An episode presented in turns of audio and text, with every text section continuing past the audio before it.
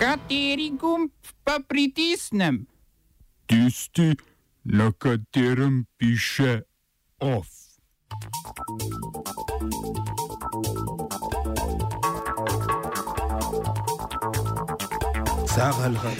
Evropsko sodišče je ukazalo razkritje študije o glifosatih.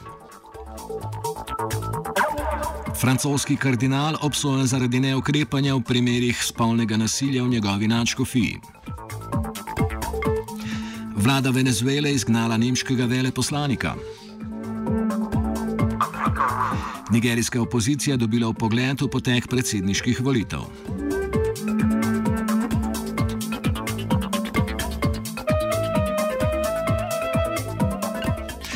V javnosti so zaokrožili dokumenti, ki dokazujejo, da sta vlada Združenih držav Amerike in Agencija za migracije in carino, krajše ICE, sledili aktivistom za pravice migrantov in o njih zbirali tajni dosje. Dokumenti potrjujejo trditve aktivistov, ki so na meji z Mehiko pomagali ljudem s humanitarno in pravno pomočjo, da jih ICE nadzoruje in nadleguje. Po njihovih besedah so v zadnjih mesecih opazili, da jih na meji občutno bolj pregledujejo, večkrat pa so jim onemogočili omogočili vstop v državo.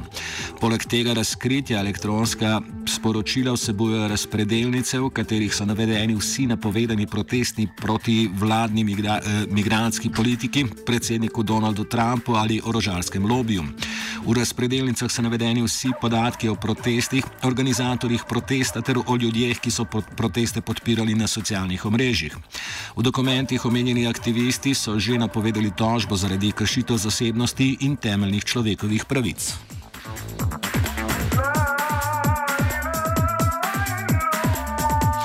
Ameriška vlada pa se je na zatožni klopi znašla tudi zaradi obtožb kitajskega telekomunikacijskega podjetja Huawei, ki je na zvezdnem sodišču v Teksasu vložilo tožbo zaradi neenakih pogojev pri javnih naročilih. Predmet obtožb je predvsem zakon o nacionalni varnosti, ki ga je podpisal predsednik Donald Trump, v katerem vlada poziva varnostne in vojaške agencije, da za javna naročila ne izbirajo tega kitajskega podjetja. Razlog za tako zahtevo naj bi bilo sodelovanje podjetja s kitajsko vlado in potencijalna grožnja vohunskih udorov v državne sisteme, ki bi jih dobavil Huawei.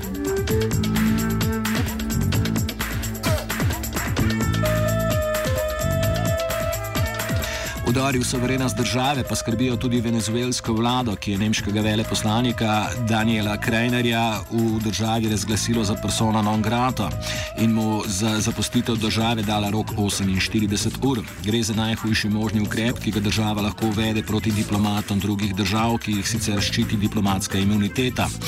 Po določilih Dunajske konvencije državi, ki na tak način eh, izraž, izžene diplomata, zato ni potrebno navajati posebnih razlogov.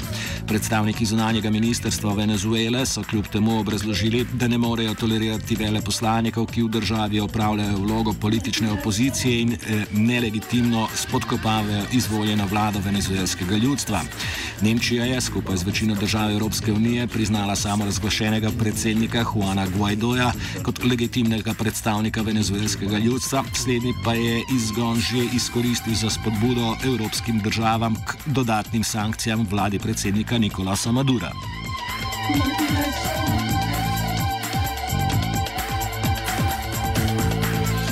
Posebna skupina sodnikov Nigerijskega vrhovnega sodišča je odločila, da mora državna volilna komisija drugovrščeni stranki omogočiti revizijo nedavnih predsedniških volitev. Predsednik eh, Mahmadu Buhari je na volitvah ponovno naslovil v prvem krogu in sicer s 56 odstotki vseh glasov. Drugovrščeni kandidat in nekdani podpredsednik države Atiku Abukapar ki je zbral 41 odstotkov glasov, je izid označil za nelegitimen in zahteval ponovne volitve. Državna volilna komisija mora tako drugo vrščeni stranki omogočiti upogled v volilno dokumentacijo in pregled eh, volilnih sistemov in glasovnic. Mednarodni opazovalci so kljub izbruhom nasilja in številnim nepravilnostim volitve označili za najbolj demokratične do sedaj v Nigeriji.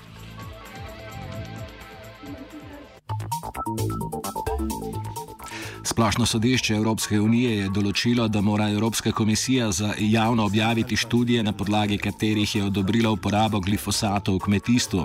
Evropska agencija za varnost hrane je leta 2017 na podlagi študije o rakotvornih učinkih glifosatov določila, da ni resne nevarnosti za zdravje državljanov Evropske unije.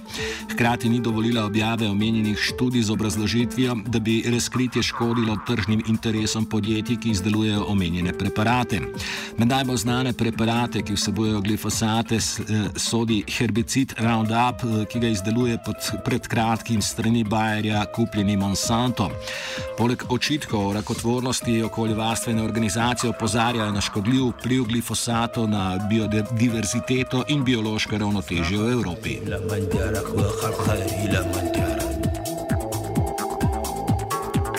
Odločitev pa je sprejelo tudi sodišče v Franciji, ki je na šest mesecev pogojne zaporne kazni obsodilo kardinala Filipa Barberinija, načkofa Lionske načkofije. Kardinala je nevladna organizacija za pravice žrtev spolnega nasilja v katoliški cerkvi obtožila, da je vedel za spolno nasilje Patra Bernara. Eh, preenata in proti njemu ni ustrezno ukrepal. Gre za najvišjega crkvenega funkcionarja v Evropi, ki je bil obsojen zaradi škandala spolnih zlorab znotraj Rimokatoliške cerkve. Obsodba sledi, obsodba sledi en teden po vrhu katoliške cerkve o spolnih zlorabah, ki ga je sklical pa papež Frančišek. Prejšnji mesec je avstralsko sodišče zaradi spolnega napada na dečke v pevskem zboru obsodilo kardinala Georgea Pella, nekdanjega vodjo vatikanskih financ. Uh, bom odgovoril na angliški. Slovenija will try to help. Uh, we can. Slovenija will. Uh, and we will. Do our utmost. To say that the situation is. Our problem ourselves. And uh, we will. Uh, make further steps as soon as the conditions are. Bomo vlado Marjana Cererja, Marjana Cererja Šarca podprli. Very, very serious. News from Slovenia. We know how and we will.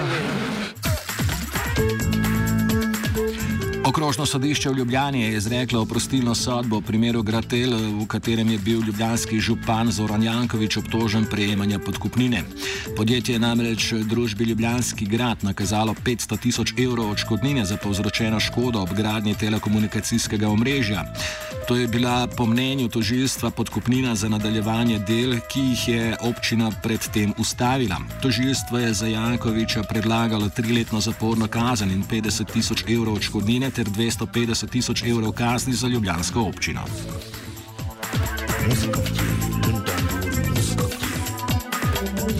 V termoelektrarni Brestanica so podpisali pogodbo za izgradnjo sedmega bloka oziroma nadomestnega bloka z novo plinsko turbino. Termoelektrarna, ki med drugim služi kot rezervna elektrarna ob izpadu jedrske elektrarne v Krškem, bo z novo naložbo vredno 26 milijonov evrov nadaljevala s prenovo in zamenjavo zastarelih blokov. Po besedah vodstva torej ne gre za širjenje kapacitet elektrarne na zemljski plin, ampak za zamenjavo zastarelih plinskih blokov iz leta 1974. Elektrarna, ki bo vsa sredstva za gradnjo priskrbela sama, je glavni ponudnik tercijalne proizvodnje in tako imenovanega temnega zagona. Gre torej za elektrarno, ki skrbi za nemoteno dobavo električne energije ob izpadu eh, drugih proizvajalcev in ob drugih težavah v slovenskem električnem omrežju. Off je spisal Koruza.